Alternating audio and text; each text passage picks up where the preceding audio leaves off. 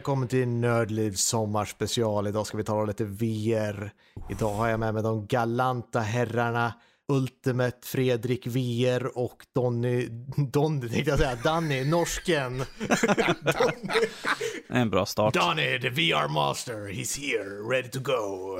Han, han kliver in genom dörren så här, hallå. Ett, en, bara en ankel sticker fram. Ja, det här är ett litet roligt avsnitt en av våran Nördlivs sommarcollection 2022 kommer ut med lite specialavsnitt och idag tänkte vi tala VR så jag har samlat mina värsta Ultimate VR-experter på plats för att diskutera denna utsökta lilla samtalsämne.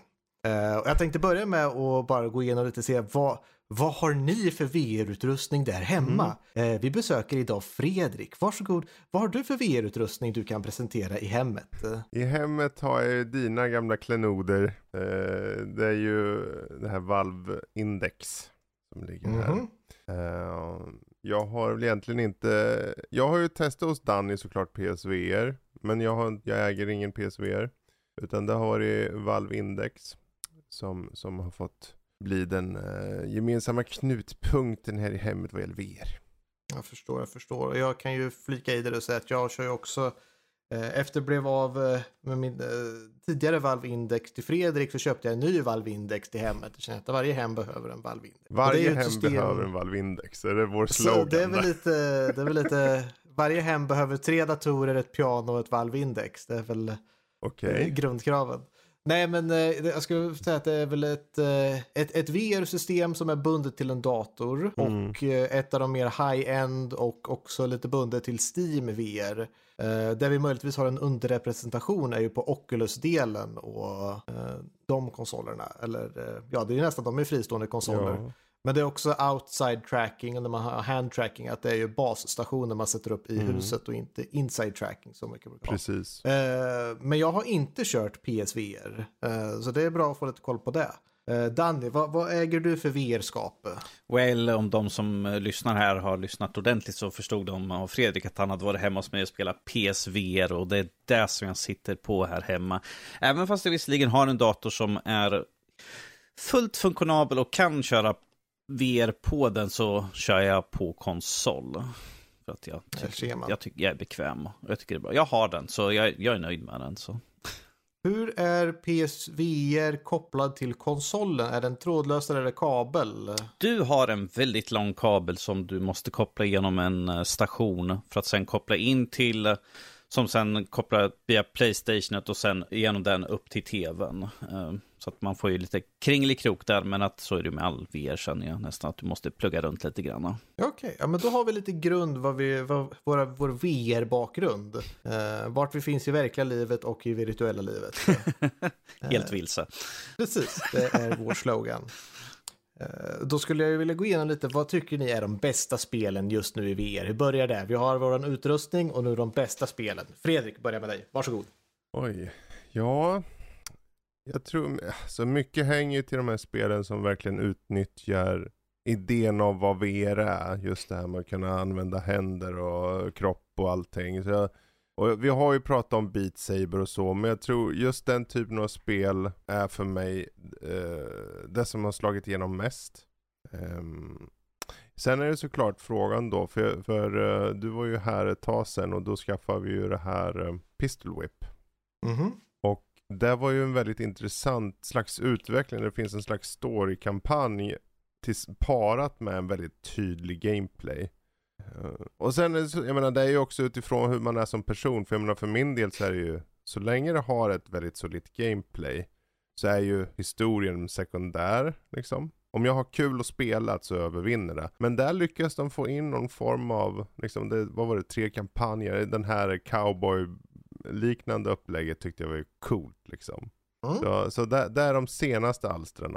Mm. Danny, du då? Ehm, ja, just nu skulle jag vilja säga Moss Book 2 som kom ut tidigare i år. Som är mer av ett dioramaspel Mm, det, ja. där du står egentligen i eh, scenen där allting utspelar sig och du använder liksom en hand För liksom styr, eh, kontrollen styr runt moss och du kan samtidigt föra fram den och hjälpa till och lyfta upp och fly, flytta runt på saker och ting. Och samma sak har vi ju med eh, Down the Rabbit Hole som jag recenserade för, jag tror två år sedan nu.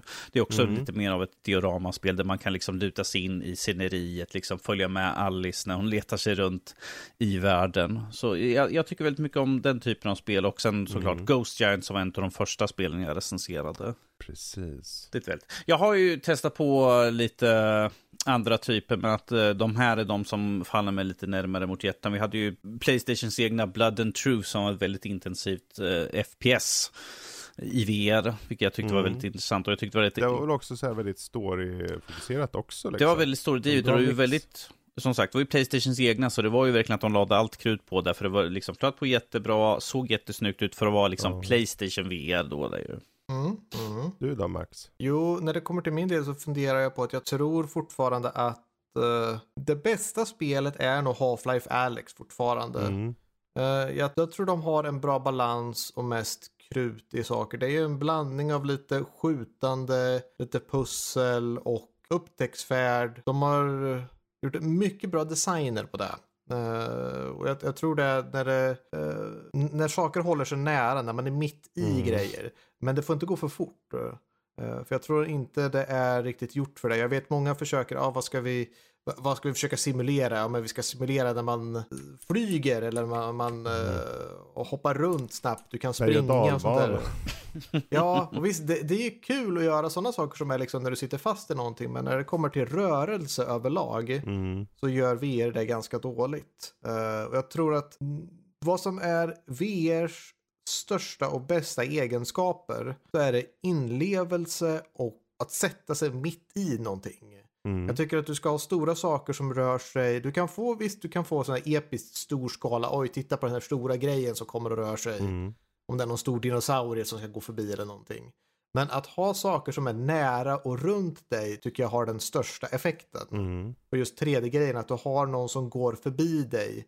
Eh, och jag tror det är det som gör eh, skräckspel har blivit en genre som har översatts ganska bra till VR och det är väldigt populärt. Eh, och det görs så usla, kassa skräckspel. Men de har den här mm. lilla essence, den lilla coren som funkar i VR. Mm. Och den drar så otroligt långt i de här spelen. Precis. Att du kan göra ett subpar-spel som fungerar utmärkt bra. Bara för att det är en primal mänsklig insikt, liksom att ha någonting mm. röra sig i ögonvrån eller att något ska hoppa fram i ansiktet på dig. Det, mm. Du vill att andra ska uppleva det och du är lite rädd för att uppleva det själv, men det finns lite spänning där. Ja, det är ju också det här, när du befinner dig i VR-världen, även om det är en väldigt så här förenklad värld eller vad som helst, så är du där, precis som du pratar om ja. immersion. Och adderar du då också då skräck på det här så blir du utsatt på ett sätt. Man kan, man kan ju rent intellektuellt säga för sig själv, jag står i vardagsrummet, jag är helt okej. Okay. Det kommer inte vara ett monster mm. som hoppar ner i en tunnelbana framför mig och försöker äta upp mig. Men din hjärna luras många gånger. Mm. Du kan tro att det finns ett bord framför dig fast det inte gör det. Du känner efter, men just ja, det är ju inte ett bord för det är ju VR-världen. Men när du blir så insluten i det här så Ge, ge det bara tid så kommer du, din hjärna övertyga sig själv på något sätt. Ja. Och det är där då skräcken kommer in. För om du kör typ så här, jag kan bara gissa att kör du Resident Evil typ 7 eller någonting. Alltså det, det, du får ju gå med blöja, det går inte att spela det alltså. ja. Ja, nej, men det, det som är väldigt eh, populärt just nu är ju, vad heter det, eh, fantasmafobia tror jag det heter. Mm, du ska sö- leta efter spöken. Mm. Och det är ju typ, du går in i ett rum och du vet inte riktigt vad som ska hända. Att det kan mm. finnas ett spöke där men ändå inte och, eh, och så.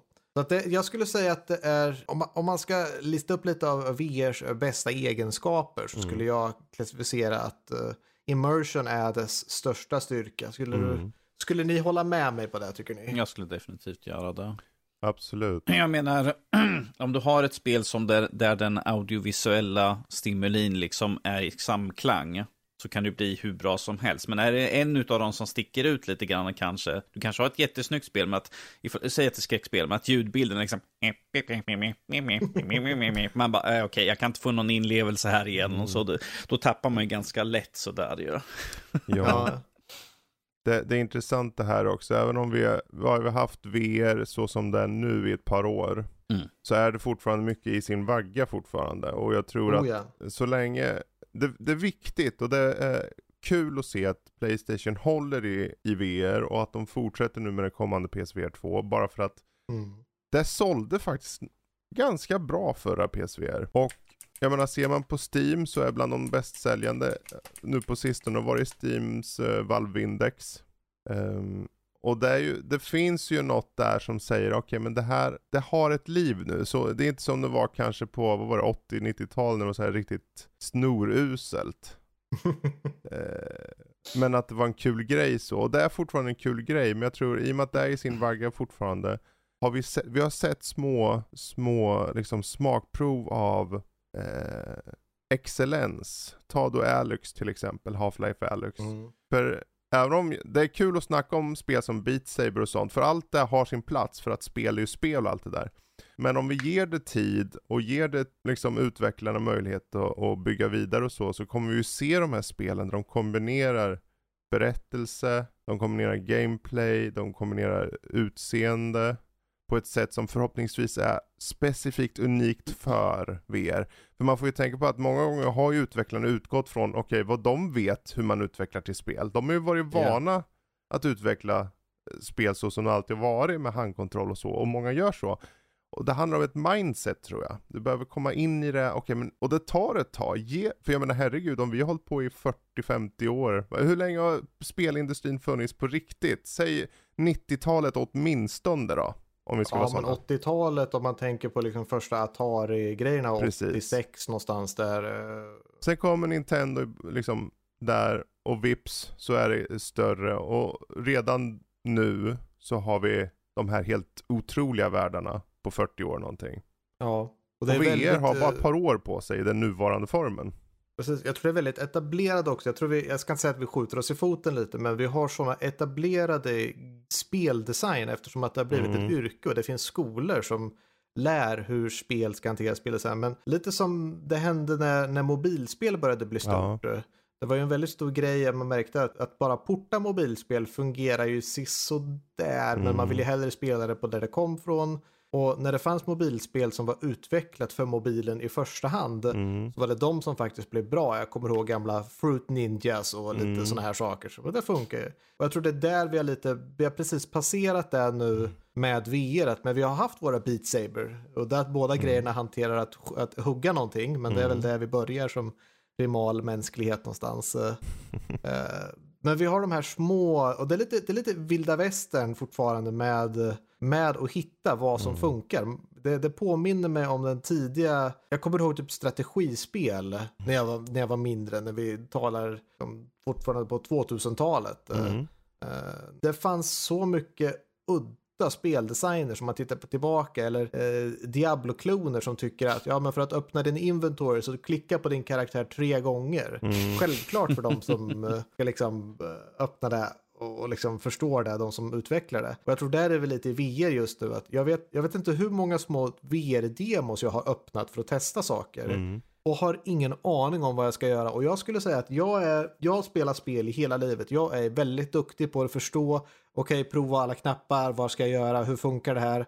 Och även jag kan stå en stund och verkligen fundera, okej, hur?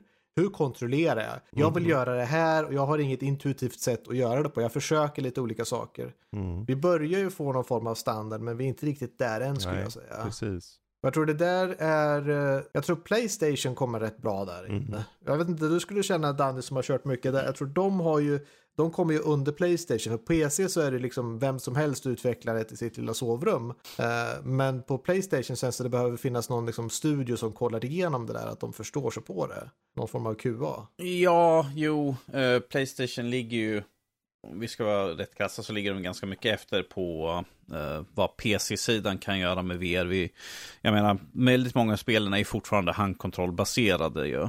Att du måste Ja, ha handkontroll. ja. Move-kontrollen är ju också väldigt begränsad. Du har ju ingen styrknapp, så du, har, du kan ju liksom bara eh, teleportera dig eller något sånt där. Du har ingen fingerkänsla, vilket nu PSVR 2 ska ju uppenbarligen ha.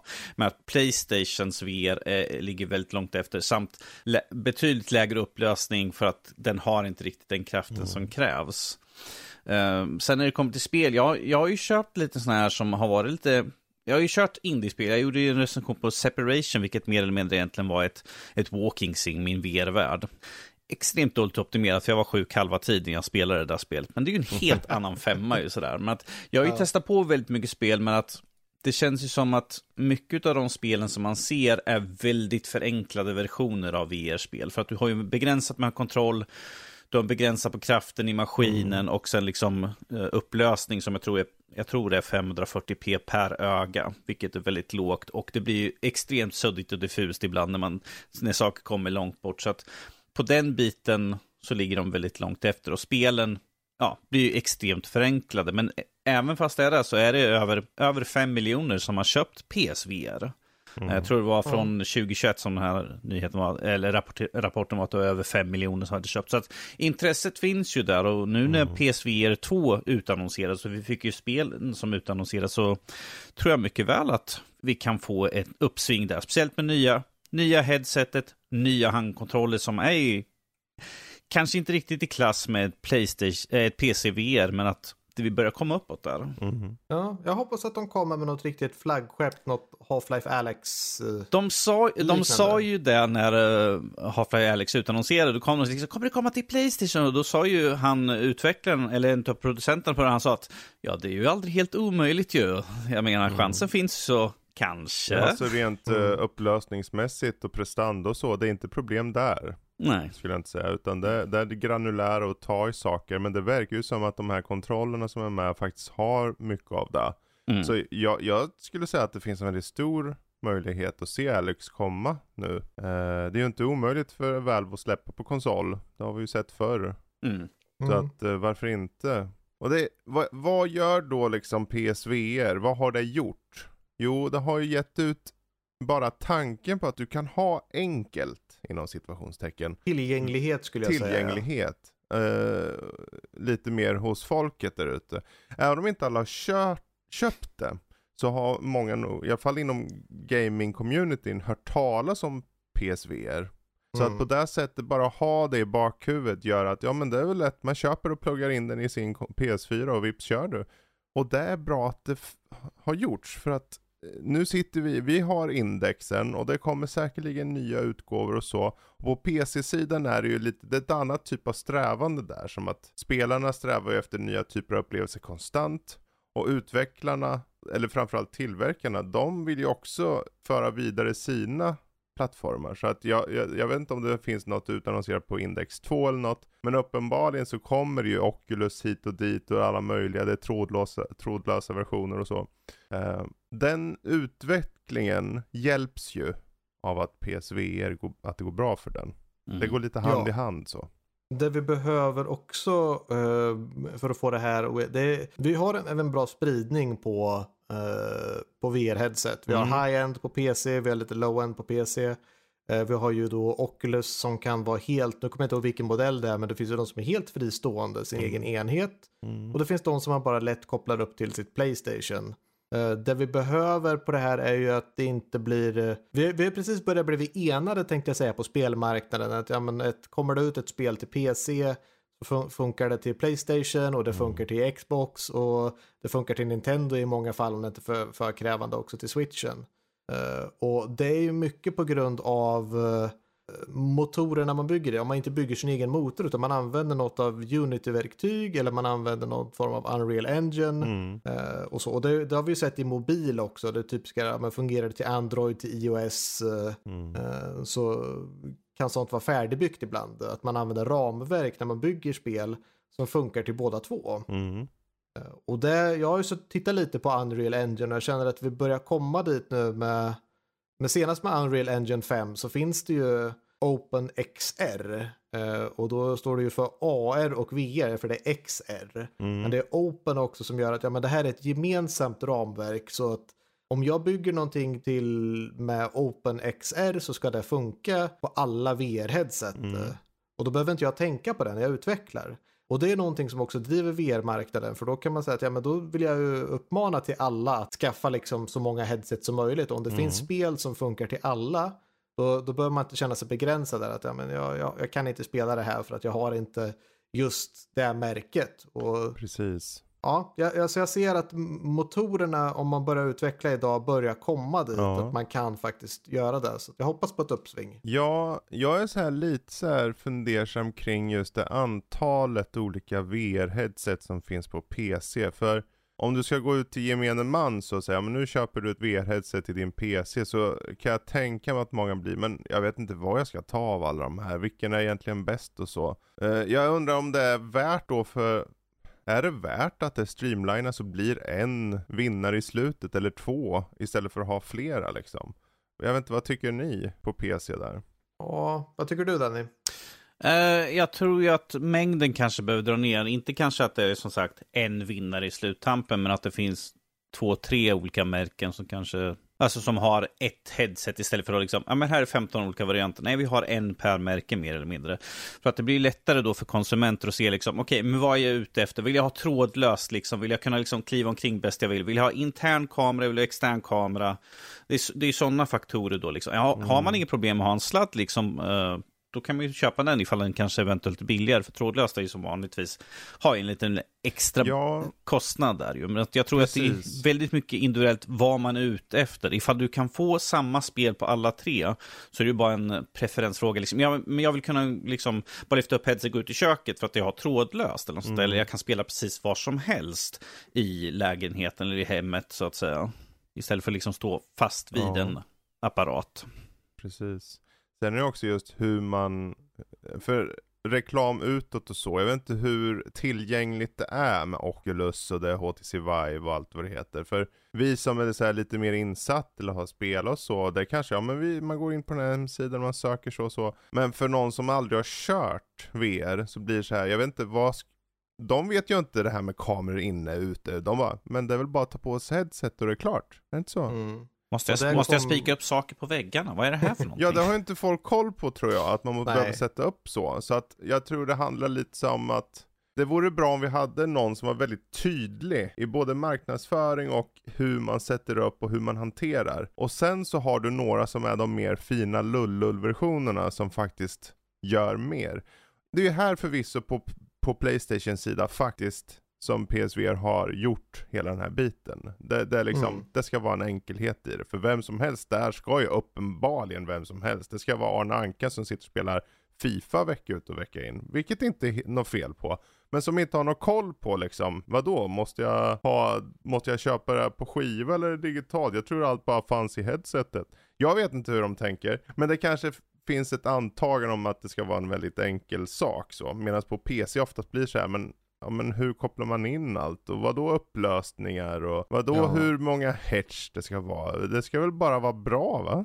Mm, och jag tror där har du ju då, eh, när det kommer till uh, Oculus-delen, eh, och det, de har ju bra marknadsföring eh, Ja. med Facebook eller Meta eller vad man vill nu kalla dem. Ja.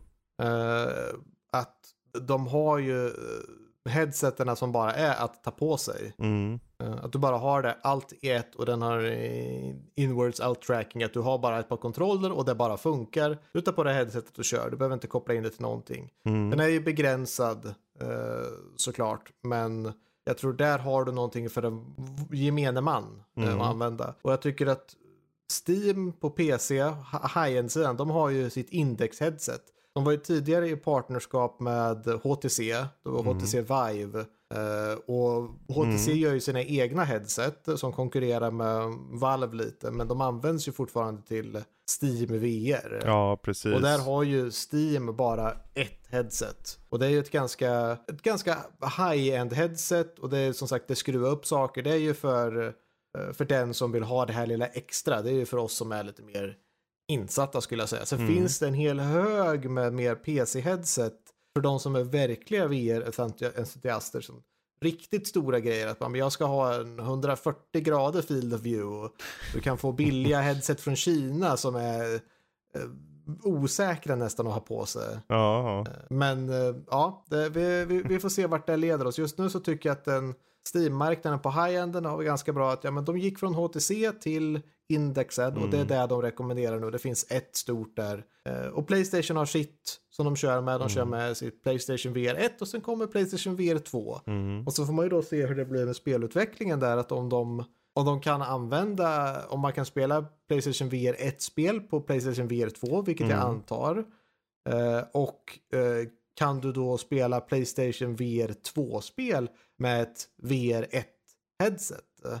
Om du redan har ett Playstation VR-headset. Eh, ja just om de det. utvecklar nya VR-spel, kan du använda då eller måste du uppgradera dig? Och då blir det en liten, vad ska man utveckla för? Ska man begränsa då? Eftersom att första headsetet verkar väldigt begränsat och ska du ha fingerkänslighet till ett Playstation-spel, då kan du inte använda ditt gamla headset och är det bortkastade pengar? Ja. Eh, jag, jag tror ju att de kommer eh, troligtvis gå över helt att du måste ha ett PSVR 2 för de nykommande spelen. Du kan nog inte köra, köra någon sån här liksom, att ah, jag har en PSVR liggande, då kan vi spela det här nya eh, Horizon Call of the Mountain. Nej, troligtvis inte. Det jag är väldigt skeptisk. Jag menar, nu när jag ska recensera uh, Moss uh, Book 2 så har jag nog då lånat en PS4-kontroll av Fredrik för att jag har ingen kvar. Och det är så man spelar och jag har ju köpt PS5 så att jag har ingen Du PS4. äter ju upp alla Så jag har dina ingen kontroller. PS4-kontroll, så att även där ser du begränsat. Jag har bytt liksom konsol till en kraftfullare maskin nu, men att jag måste fortfarande ha för att den har liksom den här eh, dioden på framsidan som kameran läser av. Mm. Så att utan den kan inte jag sp- spela vissa PSVR 1-spel. Så att jag tror Ja. att vi, där kommer vi se att de kommer nu skära av precis som med väldigt mycket nya spel som vi ser att ja, men de här kommer att släppas till current gen och de här spelen kommer inte komma till last gen. Så vi ser ju liksom att det kommer säkert bli samma sak här på VR ju. Men att Ja. jag tror att vi kommer ju se betydligt mycket fler PC-portningar utav PSV, eh, eh, PC-VR-spel.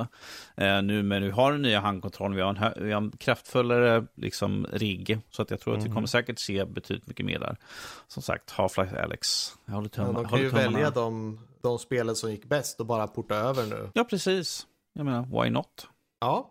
Eh, Vad tycker ni är de största svagheterna som finns inom VR just nu? Jag tänker just med spel och sånt där. Vad är det VR inte har löst? Vad är den största utmaningen som finns eh, inför VR? Alltså det är ju det tekniska i att få en människa att inte spy som en räka tror jag. Ja, när vi vet när det kommer till Den räkor, då tekniska termen, spy som en räka.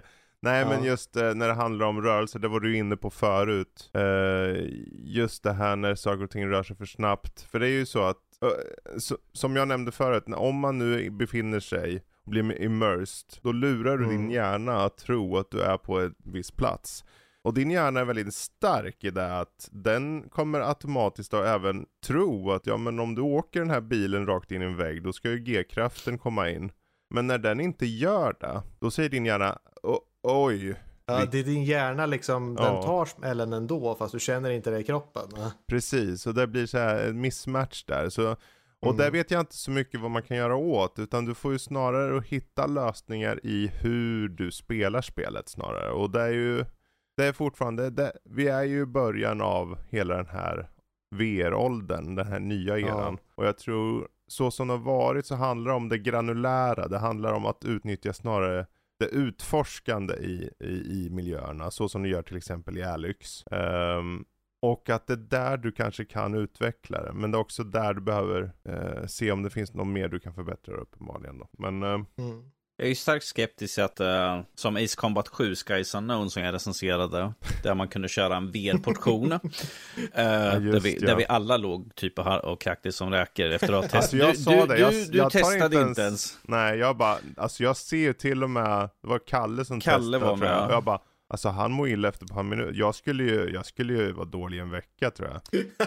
Jag hade ju problemet, jag, bara, jag, måste, jag måste in igen, jag måste spela lite grann för jag ska recensera skiten. Så här jetflygplan liksom, jag superloopar och går ultrasnabbt. Ja, liksom. liksom Ja. flyger runt, gör dogfights med tre stycken andra plan som man ska försöka skjuta ner. Det, ja, Fast det var är inte kul. klart, det bör ju tilläggas att jag har ju när jag testade saker hos dig så var det, jag kommer inte ihåg vad det var, men det var något spel jag testade och tänkte, åh det här blev jag dålig av ganska snabbt. Och framförallt då första HTC Viven så testade jag Dirt Rally kommer jag ihåg. Du blev... kommer ihåg, det var hos mig precis när jag hade HTC Vive, men det som gjorde också att du mådde extra dåligt mm. av den var för att det var en, rallyt fanns bara på Oculus Store tror jag. Mm. Eh, och då hade jag ett ett plugin, ett verktyg som översatte från Steam VR till Precis. Oculus Store. Och det steget emellan gav ett litet delay. Mm. Och refresh rate och delay Exakt. är ju någonting som gör dig så, det här lilla ja. diskrepansen gör dig Det är det jag tänkte komma till här. För att Även om, ju, även om det finns spel som det här flygspelet, det kan ju vara så att om vi bara får till den här refresh raten, att vi får till den här skärpan, eh, rörelse, liksom att, att rörelsen inte blir så påtaglig för dig att du liksom mår illa av det. För det är ju någonting du borde kunna uppnå genom bara förfina tekniken också. För jag har märkt det nu när jag tog ner, vad var det, det var Project Cars 3 tror jag. Mm. Och jag nästan stålsatte mig och tänkte, ja men det här, nu ska vi se hur det här går. Jag kommer ihåg hur det var. Mm. Och jag kör, visst, jag blev, jag blev lite så här, jag märkte av det. I och med att jag, jag får ju åksjuka lite någorlunda lätt. Men jag körde en, två, två eh, ba banor alltså, två hela race. Och då var det också att då var det lite fel eh, eh konfigurerat. Så jag satt ju som att jag körde go-kart, alltså jättelågt. och så gick det jättesnabbt. Men det gick ändå. Och det hade ja. mycket på grund av, tror jag, för jag ställde in på förhand, för jag, datorn jag körde på är lite, den är betydligt starkare än kanske den du hade då. Mm. Om inte annat, som du var inne på, det var en delay för ja. att det var en Oculus-version och allt det där. Uh, så att det hjälpte mig. Mm. Och om du kan se den uh, utvecklingen bara från att få en bättre upplösning, en bättre liksom framförallt uh, hertzantal per öga, så tror jag att det finns någonstans, i alla fall mycket mer höjd här som du kan utveckla sett till det tekniska. Och bara där är en bra start. Och sen då om du adderar på det, att utvecklaren hittar sätt att hantera sånt här. Det kanske finns något i hur ja. man kollar, att ha, vad heter det, eh, sån där som följer din, vart du tittar, eye tracker. Mm. Det, det, är ju ett, eh, ett segment som jag skulle komma in på härnäst. Eh, för att avsluta det här så tror jag att du är definitivt inne på någonting. Jag tror att du behöver en stabil refresh rate på över 90 Hz mm. i alla mm. fall i FPS för att det ska funka bra. Du behöver, får inte ha något delay. Mm. Uh, och uh, vad jag finner när det kommer att röra sig snabbt så är ju i fordon gör en jätteskillnad. Att ha någonting stabilt som du kan fästa ögonen på som följer mm. med dig och någonting som inte är, eh, ja, vad ska man säga, någonting som, eh, om du har någonting som rör marken, om du åker i en bil och mm. du kan sitta i bilen och du ser att bilen rör marken. Mm då har du mycket, mycket lättare för det. Och jag känner även, jag flyger lite rymdskepp i No Man's Sky mm. i VR. Och det är ganska dumt för du sitter i en cockpit. Mm. jag känner även med det här Ace Combat så det, det, går att göra om du har någonting att fästa ögonen på. Mm. Det är när du inte har det och saker rör på sig under fötterna på dig när du tror att du står upp. Att sitta ner hjälper såklart, men att bara sitta i tomma rymden och flyga runt får dig jätteåksjuk också. Uh, och så. Vad var det jag skulle gå in på? Vad var det jag sa precis? Jag sa att precis att jag skulle gå in på någonting efter jag, jag, jag sa det. Jag, jag, tänker bara, jag tänker bara slänga in här lite grann. För att, uh, Släng på. Uh, för pratade om att ha eye-tracking och PSVR 2 kommer ju ha eye-tracking i headsetet mm. ju så. Det var väl eye-tracking du skulle gå till va? Det var precis det jag skulle mm. gå till, så det var perfekt att du gick över det. Det var att eh, vad är nästa största steg i VR? Vad, och det, vi har varit inne lite på eye tracking, det har funnits förut. Men det har inte funnits på någon av de primära headseten skulle jag säga. Mm.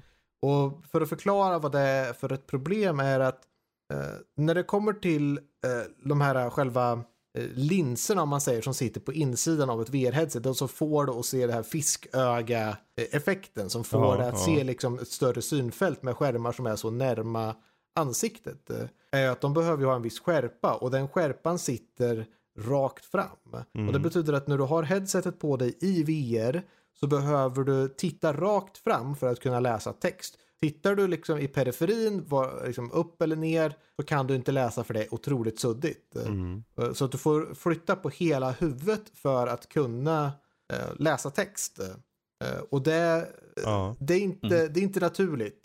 Det, det, det är naturligt att vi flyttar liksom ögonen på olika fokus och sånt där. och jag vet att det har funnits eye tracking i headset förut.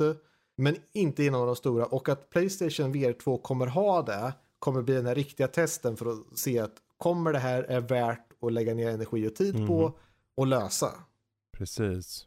kan man också med eye tracking handlar ju om också att att utnyttja de, den prestanda som finns på ett smart sätt. Så att du kan ju, om du kan fokusera det snygga i ditt spel så att säga, precis där du Mhm. tittar. Och kanske inte använda så mycket av, den, av din enhetskraft på det andra då. Så kan du dessutom kanske hålla en mycket högre uppdateringsfrekvens, bara för att du behöver inte belasta systemet lika mycket. Eh, och eh, jag menar herregud, det borde vara en perfekt kombo känns det som. Det kan finnas någon teknik där det finns ju någonting eh, i, i spelutveckling och 3D-rendering så finns Mm. det något som heter, vad, vad, vad är det nu? Det är ah, occlusion. Eh, jag kommer inte ihåg vad den heter. Eh, optical occlusion kanske det heter. Där det är så att när du, om du har grafik eller någonting som inte syns, om du ser liksom ett berg så Mm. behöver du bara rendera framsidan på berget. Du behöver inte rendera baksidan för den ser du inte ändå. Mm. Så det som är dolt av spelarens syn behöver du inte spendera tid på grafikkortet att måla upp. Och kan du då måla upp hälften så mycket vad som behövs, då får du ju dubbelt så mycket prestanda egentligen Mm. på FPSen. Och jag vet inte om man kan göra någonting sånt med eye-trackern att, eh, att man säger, ja men du tittar här borta, därför behöver vi inte ha, för att eh, LOD-streaming, level of detail streaming, är någonting som används flitigt idag. Mm. Att saker som är väldigt, väldigt långt bort kan du ha väldigt lågupplöst. Att du behöver Precis. inte ha precis. 4K-texturerna på gubben som är 500 mil bort för du kommer ändå inte se honom. Mm. Utan det räcker med att han är en liten 2D-bild, en liten JPEG som ligger där borta i hörnet.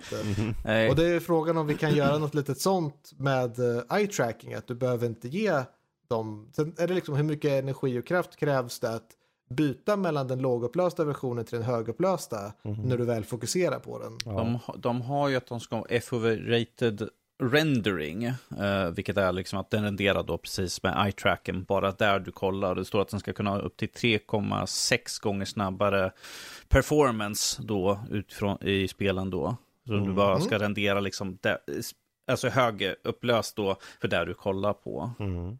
Så det är där de ska ha i PSVR 2 i samband med eye-trackingen där ju. Ja.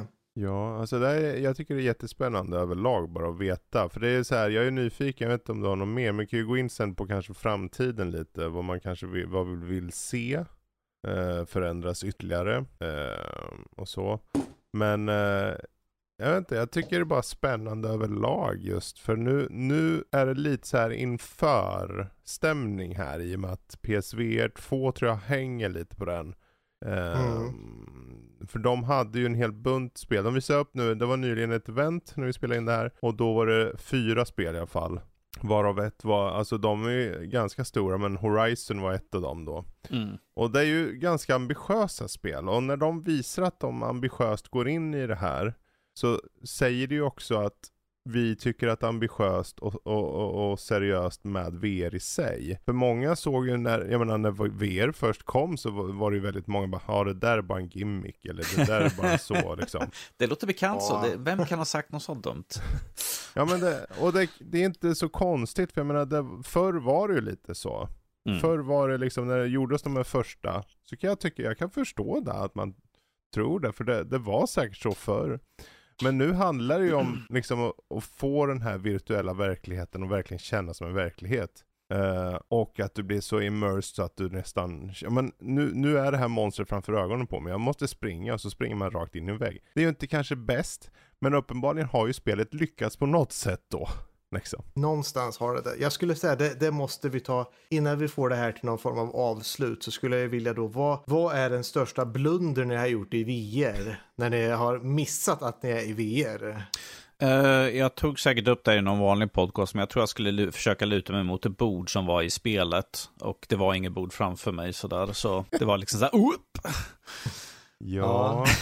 det, det, Jag skulle säga det är lite har här, man bara, ja, men jag ska typ, jag, jag, som jag höll i handkontrollen, så jag bara, jag ska bara lägga ifrån mig den här, och så liksom, ja, nej just det, det är ju in-game, jag ska inte släppa handkontrollen för kommer trilla i golvet. Jag var nära på att göra samma sak eh, nyligen faktiskt. För jag har ju suttit lite i Unreal för skojs skull bara för att testa lite utveckling. Och jag har ju då en, ställde ut en sån här liten utfällbar stol bara. Så bara, Ja. okej, jag har en stol i VR och det var en sån här kontorsstol med armstöd. Och jag hade en liten utfällbar stol som hade ställt ut på samma plats. Så att jag bara, jag kan gå och sätta mig i den här stolen jag kan nu gå i, liksom, i VR och sätta mig i den stolen. Och det, Mm. då, är, då är det väldigt immersive. eh, Ja, när du har ställt ut någonting i verkligheten på rätt plats. Problemet som sagt är att det var fortfarande en stol, men den hade inga armstöd. Nej. Så att försöka ta sig armstödet för att ta sig upp när det inte finns något armstöd. Det är också en sån där liten att jag började känna, var på väg Ja. helt naturligt att ta armstödet. Men jag lyckades bromsa mig själv innan jag ramlade ner med någonting för jag märkte att det inte var någonting där. Men det var, hjärnan tänkte inte ens utan så. Nej, Precis. Annars skulle jag säga att jag tror att när jag hade HTC Viven så jag satt framför datorn som man gör och hade headsetet på mig och jag tror om det var något jag spelade på tangentbordet eller om jag hade kontrollerna. Mm. Och jag hade någon av kontrollerna som, jag vet, det var inte en kontroll som låg på golvet.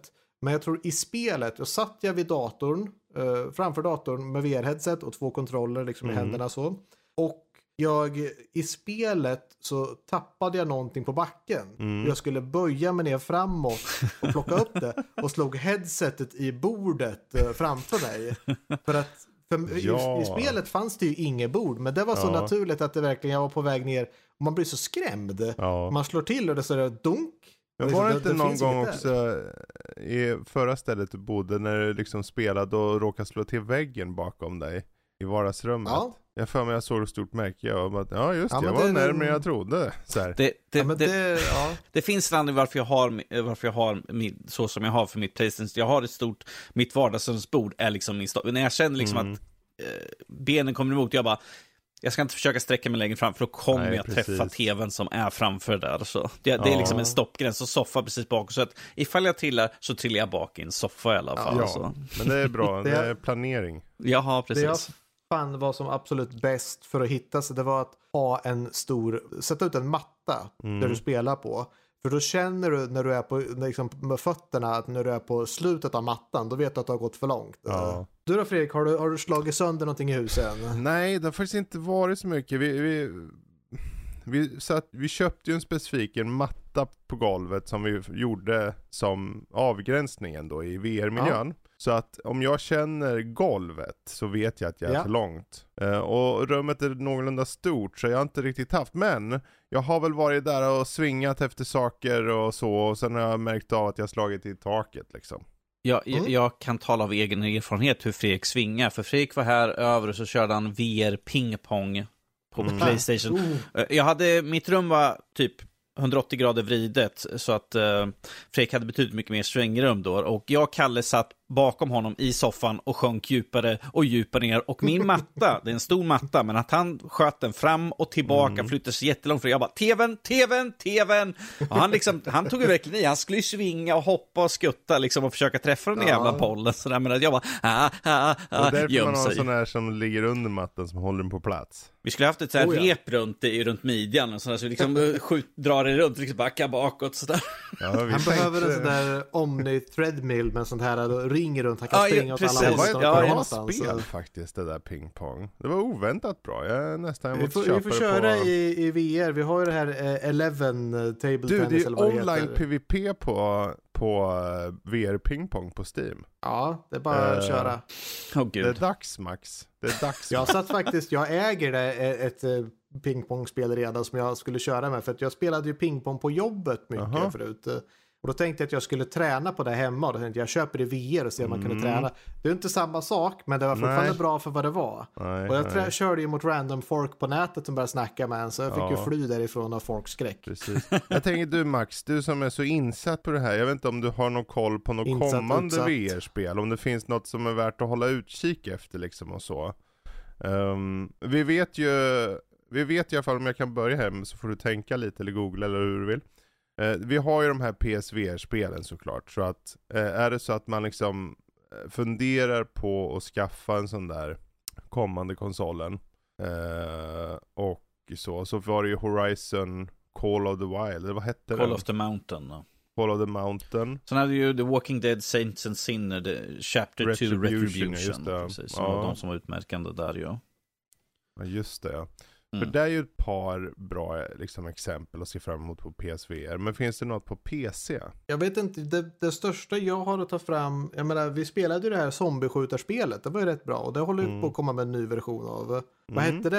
Eh, Propagation? Propagation VR hette Vad heter det? det. Ja. De skulle ju släppa, de, de för övrigt ett bra spel att kolla upp om ni vill skjuta lite i VR. Det, var, det är ju Mm. gratis att köra det själv. Och så kan man köpa en co-op-komponent eh, för att köra online Mm. med andra VR. Och det, var, det gick på några euro bara, jag tror det var 5-4 euro. ja, precis. Eh, och de håller på att utveckla ett litet eget spel. Så det, det kan jag rekommendera Mm. och testa när det kommer ut också. Ja, Annars så skulle jag säga moddning. Jag, som vanligt när det kommer till Skyrim och Fallout så sitter jag och moddar dem konstant. Mm. Och de har ju VR-komponenter men jag vet inte. Där kommer det ut mycket nytt. Men Mm. de vet jag inte om de har så jättegod framtid. För att de är byggt på en... Skyrim VR är byggt på en gammal version av Skyrim. Och Mm. folk som moddar Skyrim moddar till den senaste versionen. Så det blev lite splittat där att ja okej. Förut så kunde du, när, när, de låg, när Skyrim VR precis kom, så fungerade alla mods som fungerade till Skyrim fungerade till Skyrim VR. Mm. Men nu så kräver nya, normala Skyrim kräver en högre version och då Mm. fungerar inte de moddarna längre mot VR-versionen och då måste de göra två versioner och det görs inte riktigt. Så att det finns lite split där och samma sak händer i Fallout till en mindre grad skulle jag säga. Mm. Men det kommer bli mer och mer där. Eh, så det, det, är lite, det är lite synd att det inte finns någonting där. Men vi kan väl hoppas på att det kommer ut en VR-version till Starfield i framtiden. Men Ja, precis. eh, det, de är inte heller som vanligt, de är inte gjorda till VR. Eh, det är mycket springa runt i de spelen. Det finns Mm. väldigt mycket content där, men det är också lite ostabilt. Men, eh, Ja, alltså Ja. på PC VR så finns ju ett par spel som jag håller koll på lite grann. Som kanske är ett tips för er där ute. Och det är ju då, ja förutsatt att ni har PSVR. Men ett som kommer heter Shadowgate VR, The Minds of Mythrock. Och det är ett så här kombinerat liksom äventyrsspel och pusselspel. Så att det är liksom, du slåss med drakar, du utforskar, du har lite av den där Skyrim-känslan fast det är betydligt mer. Det är ju från start liksom anpassat för VR då. Uh, och Shadowgate ska ju vara, eh, om jag inte är helt utcyklar, jag tror det är någon känd värld eller någonting så här. Uh, om det är något brädspel, jag vet inte, men någonting. Uh, och för de som faktiskt gillar golf så kommer det ju ett som heter Three Club Golf. Där man faktiskt, det är ju långgolf då. Och någonstans tänker man, "Ah, golf det är ju bra tråkigt. Fast å andra sidan, står du på en fairway, det är fint väder och du står där och svingar med en stor jävla supermustasch. Det kanske är kul. det kan vara någonting. Jag menar, jag körde Everybody's Go- Golf VR eh, på Mm. P- Playstation, så, det var, Mm. så jag tyckte det var kul. Förutom att det bara liksom så här, var är min boll? Det är en, det är en vit dutt, suddig dutt som flyger, rör sig bortåt sådär. ja. Precis. Nej, jag skulle tänka på, var det jag såg som jag skulle vilja testa härnäst? Det är ju, det, det finns ju lite skjutarspel som vi inte Mm. har gått in på jättemycket. Nämnde lite där på Fallout, men när det kommer till de Pavlov VR eller Onward, Ja. sådana här klassiska militärsimuleringsskjutare spel. Och det finns ju också, Onward har väldigt mycket custom maps. Jag tror det är Onward, det kan vara Pavlov, Mm. men jag tror det är Onward som har mycket community maps där man har eh, till exempel Modern Warfare zombiekartorna helt importerade in Jaha. till det.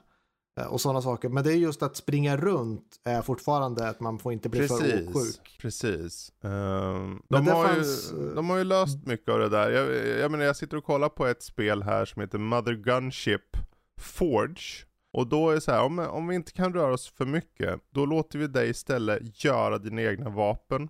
Så att du har Mm. som en, ett vapen och sen så adderar du en ny del på vapnet och ännu större och till slut har du så här super mega ultravapen stor som ett hus och bara manglar skott ungefär som The Mask när han liksom lyfter fram så här jättevapen. Ehm, och där ser faktiskt så här, du bygger helt enkelt så här Rocket Firing Shotgun med Toxic Spike Balls Launchers. Och du ska Ja. bara, och samtidigt är det lite roguelike då. Ja, Så det är att- lite spännande. Ja, det, jag tycker det ser ganska lovande ut. Ja. Jag tror man Ehm, måste också se till så att man rör sig lite långsamt i spelet. Det var, det, var Mm. det, för att avsluta punkten jag hade på det här med Onward, att Mm. jag vet att det finns ett, om ni har kört de gamla Rainbow Six-spelen, Ja, där det går väldigt långsamt, där de, jag vet ju, vad heter det, Rainbow Six Vegas tror jag det var, vi körde väldigt mycket på LAN förr i ja tiden. det. Man körde co-op och det är bara terrorist elimination. Det är ingen story, det är bara ni ska ta Mm. er in, döda alla och man dör ju själv på ett skott nästan ibland. Mm. Och man skulle gå försiktigt runt vä väggar och tänka ut taktiker. Mm. Och jag tror Onward har det, något terrorist hunt och säger att ja men så här många fiender finns det. Och med tanke på att det är VR så gör det sig ganska bra till att spela väldigt långsamt. Mm. Att du går väldigt försiktigt, du tittar runt hörn och alltihopa. Eh, och när jag såg lite andra personer spela att de, den här paniken att jag ska springa runt ett hörn, jag plockar fram en flashbang, Mm. jag ska byta till mitt andra vapen och då kommer fienden runt hörnet. Och man får den här paniken, tappar flashbangen, flashbangar sig själv, skjuter som i glatta vildet och lyckas se om man överlever. Är så överrumplad. Men det är liksom, och du ska ha liksom alla vapen på dig vid sidan. Vart har du alla ammunition, vart har du alla granater. Och just det här taktiska långsamma spelet som Half-Life Alex ändå bevisar på att tittar man på det här spelet så ser man gud vad långsamt det här går. Men det tänker man inte på när man spelar det för att det är tillräckligt blandning av den här med skräcken, det är tillräckligt blandning av långsamt med utforskning, det finns alltid något spännande att titta på. Fienderna är tillräckligt långsamma att du kan ta dig tid att faktiskt sikta och skjuta. Eh, Så att där har de pacingen har Ja. de verkligen fått bra där. Och det, det, det tror jag att det finns en framtid för VR-spel. Att En, en långsamt utforskande tills någon kommer på någonting nytt. Precis. Men det är det, det handlar om att liksom narrow down till vad exakt är det som Ja. gör ett VR-spel bra. Jag sitter och kollar på ett kommande spel här som heter Detour Bus. Och idén att du är i första person, ungefär som dioramaspel, du vet, du, du, som Moss där till exempel, att du Mm. ser, okej, jag står i ett landskap, där är en liten vulkan här framför mig, alltså en liten så här på midjehöjd. Och så en, Mm. en väg här, fast den, är av, den är inte hel. Och längst bort ser du en buss kommer, och du får då en hel bunt med vägar. Och du ska lägga ut en väg för att den ska nå ett mål. Och då tänker jag om det här, och då har den här är som en sån miniatyrvärld framför dig. Och idén här som jag ser, det ser lite lekfullt ut. Och du kan bygga vägen att den går liksom upp i luften och den här skolbussen eller vad det är, den får åka som en galning vet du. Och du får lite poäng och så. Och det är så här eh, psykedeliskt nästan. Det handlar om att utnyttja liksom hur, vad du kan göra på ett sätt. Jag tycker det ser lovande ut, kan vara, vi får se om det ens är bra. Och så, Men det dit- låter som det, det är ju väldigt mycket bass. Det är väldigt sån här lekfullhet i det, Ja. liksom. Lek lite grann med konceptet. Liksom, bör inte ha liksom att ja, men det ska vara ett första person skjuter i skräck eller liksom Mm. militärt. Eller liksom smyga spel. Men det där Mm. låter lite mer så här lekfullt. Liksom. Ja, men gör, något, gör någonting annorlunda. Något som inte är Precis. liksom en mall Precis. som alla andra spel. Ja, jag tänker för de, de få saker, jag har testat lite demos och sånt, det som är genomgående för min egen del som jag vet, det här är väldigt svårt för VR, i alla fall tycker jag det. Det är när det är i ren tredje person. Att du, du är precis bakom en person eller ett fordon. Eh, fordon funkar till viss del, men det blir jobbigt. Men om du är tredje person som så här rakt bakom karaktären, då det funkar inte alls för mig. Det är en sak om det är diorama så du ser en liten gubbe springa runt, för då är det stilla. Men gå bakom en, det, det funkar inte. Jag blir helt... Nej, du kan inte ha din, en kamera fäst till någonting som rör sig. Eller att, eh, att, att följa någonting eh, tror jag inte funkar. Nej. Men det, det är i alla fall några av de eh, Det är några av de tipsen grejerna. Eh, har ni något, några sista ord ni vill nämna på VR innan vi avslutar? Jag känner att vi har täckt eh, Mm. många av den mångfaciliterande delen som är VR. Faciliterade. Ja, Fa- vi har faciliterat VRens mångfaldiga komplexa Ja men sidofall. det, det är ju mångfacetterat, det är det. Och det, jag tycker det är spännande mest i allmänhet bara för att se att det händer saker nu. Och kollar man på Steam Store, alltså på Steam överlag, så ser man att det är väldigt mycket som kommer. Ja, det är inte allt som är super high-end och det är stora studios. Men det är betydligt fler som är såhär dubbel A. Mm. Eh, och det tyder ju på att det finns en marknad för, för det. Och där det finns en marknad för det finns det en framtid. Vill jag säga. Så att eh, håll utkik efter ett VR, VR-headset bara. PSVR 2 alternativt. Jag vet inte på, P, på PC, vilket är det bästa ingångsheadsetet skulle du säga Max? Det är svårt att säga faktiskt. Jag, jag har ju alltid kört på high-end-delen så jag ska inte säga att jag är jättekunnig på det. Jag vet ju att när det är lätt, nu kommer jag inte ihåg vilken det är, om det är Oculus Quest eller eh, Rift eller vad den, jag kommer inte ihåg den som är helt fristående i alla fall, eh, är en väldigt bra simpel, för du kan spela Beat Saber på den och du kan få uppleva Mm. eh, vad, vad 3D, ja, Ja. Det skulle jag säga är den, eh, den bästa ingångspunkten, vilken det nu är. Men kolla upp det. Jag får mm. att den inte kostar för mycket heller. Det kostar ett par tusen bara. Precis. Man får börja där man kan. Ja. Jaha. Ja, nej men då tar vi och avslutar dagens avsnitt. Jag skulle vilja eh, tacka mina kära kompanjoner som deltog i detta avsnitt och eh, eh, så ska vi plugga allt som har med nördliv att göra. Eh, men först ska Fredrik få ett ord. Nej men jag tänkte bara säga just att är det så att ni eh, nu under sommaren känner att ja, men jag, har, jag, jag kan inte sitta eh, ute i solen hela tiden, det går ju inte. Jag blir för solbränd. Nej, ja men hoppa in på vår Discord då. hoppa in på vår Discord. Vi kommer kanske inte ha några direkta omröstningar nu under sommaren. Men det kommer upp eh, kanske någon gång ibland en omröstning. Och det hittar ni då uppenbarligen på chatten som heter omröstningar.